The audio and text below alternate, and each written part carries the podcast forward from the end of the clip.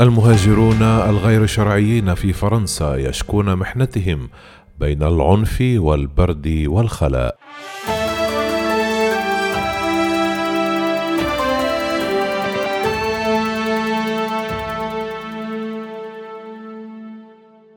يعيش المهاجرون غير الشرعيين في فرنسا ظروفا صعبة فتمتد معاناتهم لأعوام طويلة في بعض الأحيان ولا يأتي الفرج. إلا عندما يتمكن بعضهم من الحصول على بطاقة الإقامة سواء عن طريق الزواج أو عبر حملات منح الإقامة القانونية من طرف الدولة الأوروبية. وعن هذه المشكلات تقول إحدى المهاجرات وهي جزائرية مقيمة في باريس منذ خمس سنوات في تصريح لإحدى المواقع حياة المهاجرين غير الشرعيين صعبة جدا وللغاية. ثم تضيف المهاجرة لا حق لنا في العمل والحصول على وظائف نحتاج إلى معارف حتى يثق فينا المشغل. وفي حال حصولنا على العمل نكون مطالبين بساعات عمل أطول ودخل شهري يقل بكثير عن القانوني. وليس لدينا الحق في الاعتراض أو التذمر ما نعيشه شكل من أشكال العبودية. وتضيف المهاجرة أن التنقل بين المدن يصبح مستحيلا في بعض الأحيان خصوصا عندما يتم تجديد الرقابة وفي حال وقع المهاجرون غير الشرعيون في يد الشرطة تتم إعادتهم إلى بلدانهم الأصلية. وتضيف أن السكن يشمل أحد التحديات الكبرى للمهاجرين غير الشرعيين كثيرون منا يعيشون في الشارع وآخرون ينامون في المستشفيات بينما تستضيف الأسر المصحوبة بالأطفال بمراكز الإيواء في حالات الطوارئ والبعض يلجأ إلى استئجار غرف صغيرة وتشاركها مع أربعة أشخاص أو أكثر. وتؤكد أن الوضع ازداد سوءا في مرحلة انتشار وباء كوفيد 19 لأن المهاجرين لا يتمتعون بتعويضات ولا تأمينات وهو ما دفعهم للعمل في تنظيف المستشفيات والتطوع من أجل تغطية حاجياتهم اليومية. وفي تصريح آخر لمهاجر مغربي غير شرعي يحكي أنه يمر على تواجدي في فرنسا ما يقارب السنتين. كانت التجربة صعبة للغاية. ليست كما كنت أحلم أو كما يتصور الجميع. الجنة ليست فرنسا. ويشرح في حديثه أنه أقام لدى أحد أفراد أسرته خلال العام الأول من مجيئه إلى فرنسا ولم يستطع العمل إلا خلال العام الثاني. واشتغل في عدة مهن لكنه لم يحصل على أجره في أغلب الأحيان وتكمن المشكلة في عدم قدرته على تقديم شكوى إلى الشرطة وبالتالي فهو يطالب بمستحقاته في الخفاء فقط.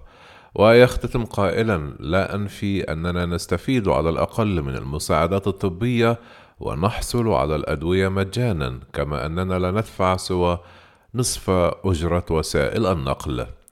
وعادت وضعية المهاجرين غير الشرعيين في فرنسا إلى الواجهة بعد أن خلفت الطريقة التي تعاملت بها الشرطة مع المهاجرين الغير الشرعيين خلال عملية طردهم من المخيمات التي أقاموها وسط باريس بداية الأسبوع الماضي استنكار العديد من المنظمات الإنسانية والأحزاب السياسية التي وصفت تصرف الشرطة بالهمجي والوحشي. إذ قامت قوات الأمن الباريسية بطرد حوالي 500 مهاجر معظمهم من الأفغان من خيامهم في منتصف ليلة الاثنين من ساحة الجمهورية مستخدمة الغاز المسيل للدموع والهروات. وإثر ذلك أصدرت وزيرة المواطنة مارلين شيابا ووزير الإسكان إيمانويل وارغون الثلاثاء الرابع والعشرون من نوفمبر بيانا أكد من خلاله أن المهاجرين يجب معاملتهم بإنسانية وأخوة كما طلب إيجاد حلول دون تأخير للأشخاص الذين يعانون من ضائقة. والبيان أيضا أوضح كذلك أنه بالفعل تم توفير 240 سريرا من قبل محافظ منطقة إيل دو فرانس في مركز الاستقبال ومراجعة الأوضاع الإدارية وهياكل الإقامة في حالات الطوارئ. وقبل ذلك كان قد تم إيواء ثلاثة آلاف شخص خلال عملية الإخلاء في سان دوني في السابع عشر من نوفمبر المنصرم. من جانبه أعلن وزير الداخلية جيرالد دارمنان أنه طلب من المفتشية العامة للشرطة الوطنية تقديم تقرير مفصل بشأن العنف الذي حدث أثناء إخلاء المخيم من قبل الشرطة في غضون 48 ساعة. كما فتح مكتب المدعي العام في باريس تحقيقا حول تعنيف مهاجر. من قبل ضابط شرطة يظهر في مقاطع فيديو منشورة على الشبكات الاجتماعية. وأدانت العديد من المنظمات الحقوقية والإنسانية الطريقة التي أزيلت بها المخيمات في باريس من بينها المنظمة الدولية التحالف من أجل الحرية والكرامة. قال رئيس مكتب المنظمة في باريس علي فينجرور في مقابلة مع موقع سكاي نيوز أن العنف المفرط الذي استخدمته الشرطة الفرنسية لتفريق طالبي اللجوء المخيمين في ساحة الجمهورية في باريس غير مبرر ولا يحترم الحق في التظاهر السلمي والتعبير خاصة أن الصحفيين والمحامين الذين كانوا في الموقع لتغطية الحدث أو إظهار تضامنهم لم يسلموا من العنف.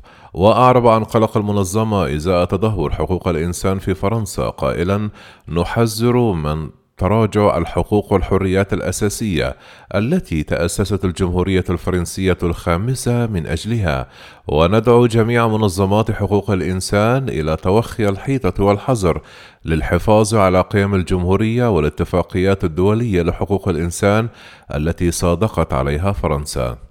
في الوقت الذي اعتبرت أحزاب اليمين واليمين المتطرف أن عنف الشرطة مبرر لعودة الأمور إلى نصابها، اعتبرت أحزاب أخرى أن تلك الأفعال لا تمثل قيم الجمهورية، ومن بينها الحزب اليساري فرنسا غير الخاضعة، الذي قال نائبه إريك كوكريل في حديث لموقع سكاي نيوز أن هناك واقعا يفرض نفسه في فرنسا خلال السنوات الأخيرة، ويشرح رأيه قائلا: اطلعت على التقرير الذي تم رفعه لوزير الداخلية. قيل فيه إن العنف المفتعل من طرف عناصر الأمن فردي لكن أنا أعتبره تنصلا من المسؤولية السياسية لأن المهاجرين نصبوا خيامهم بشكل سلمي وكانوا سيمضون الليلة ثم يرحلون في سلام. لماذا تم الأمر بتوجيه الشرطة لإخلاء المكان ومنع الصحفيين من التصوير؟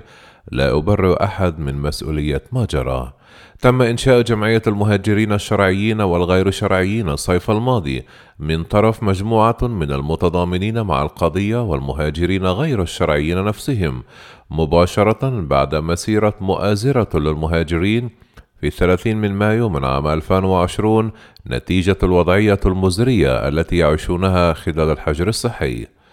وتقول إحدى العضوات للمؤسسة للجمعية في حديثها أن الجمعية تأسست بالصدفة بعد أن كانت مجرد تجمع يضم خمسة وخمسون ألف عضو وكان أول تحرك رسمي للتجمع تنظيم مسيرة مشيا على الأقدام في اتجاه الإليزيه في السابع عشر من أكتوبر المنصرم وشارك فيها مئات الآلاف من المهاجرين الذين انطلقوا من مدن فرنسية عدة من بينها ليون ومارسيليا وليل ومونبيليه طلبا لتسوية الوضعية وغلق مراكز الترحيل نحو البلد الأم وتوفير سكن لائق.